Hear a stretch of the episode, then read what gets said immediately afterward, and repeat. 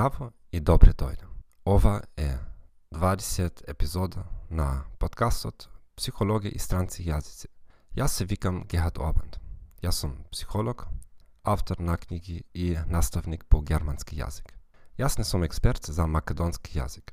Се разбира, веќе го разбравте ова. Бидете терпеливи со мене, но ветувам дека ќе се подобрам со секоја нова епизода. Ако го откривте овој подкаст само сега, најпрво проверете ги најновите епизоди.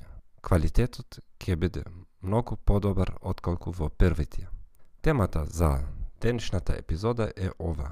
Како да пронајдете соодветен материјал за читање на странски јазик. Се надевам дека не ја пропуштивте нашата последна епизода, епизода 19. Зошто треба добро да научам јазик ако има толку многу бесплатни програми за превод?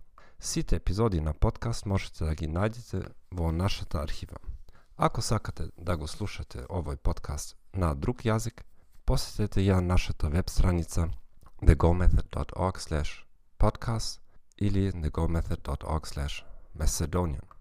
Дали саботирате собствен успех во учењето на странски јазици и дали трошите време и пари за непродуктивни активности, откријте 21 грешка што јас самиот ја направив во последните 20 години и научите како да ги избегнате со читање на мојата најнова книга 21 Self-Limiting Beliefs in Learning a Foreign Language Smashed.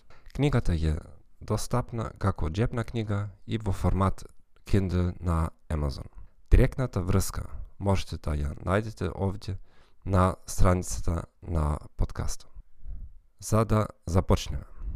Како да откриете соодветен материјал за читање на странски јазик? Денес постојат речиси неограничени ресурси за читање на текстови. Наскоро кој била јазик? Да, ако сакате да научите јазик туркменски или горан, горани, горански јазик, Може би, може би нема толку многу текстови на интернет. Компаративно. Затоа проблемот не е да пронајдете текстови, туку што да читате во ограничено време. Дури и на нашиот мајчен јазик, редко имаме доволно време да ги читаме дури и сите задачи за читање на школата или на универзитет. Дали ги прочитавте сите стандардни книги во класичната литература на македонски јазик? Еве ги моите совети. Прво, направете список со 20 теми што ве интересуваат. Интересираат. Може да биде се, спорт, музика, историја и така натак. Еве дел од мојот список. Ова е само како пример. Вашата листа ќе биде веројатно тотално различна. Авиокомпаниите, архитектура, автори на книги, композитори, валути, знамења, германска литература, историја, лингвистика, теорија на музиката, железнички пруги, руска литература, бродови, социјална психологија, дрвја, класични автомобили, класични американски автомобили, организацијска психологија и така нататък.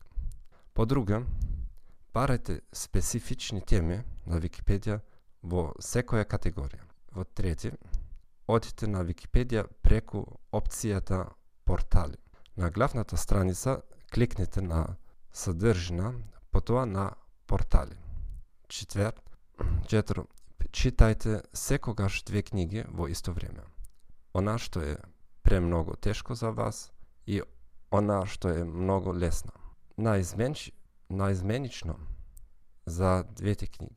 Денес тешката книга, утре лесната книга, за утре тешката. На овој начин еден ден сте предизвик и имате успех следниот ден. Обидите се на да најдете барем еден класичен автор, што на вистина го сакате и обидите се да прочитате се од него или неа. На овој начин ќе имате ви, многу висок стандард за вашиот говор. Ви благодарам што ја преслушавте 20 епизода од Психологија и странски јазици. Се надевам дека овие информации беа корисни за вас. Ве молиме, предплатете се на нашиот канал на Apple Podcast, Spotify, Stitcher или вашата умилена услуга. Ве молиме, препорачите не на вашите пријатели и колеги. Како што ветив порано, јазичниот дел ќе се подобри со следните неколку недели. Сите најдобри и с Богом.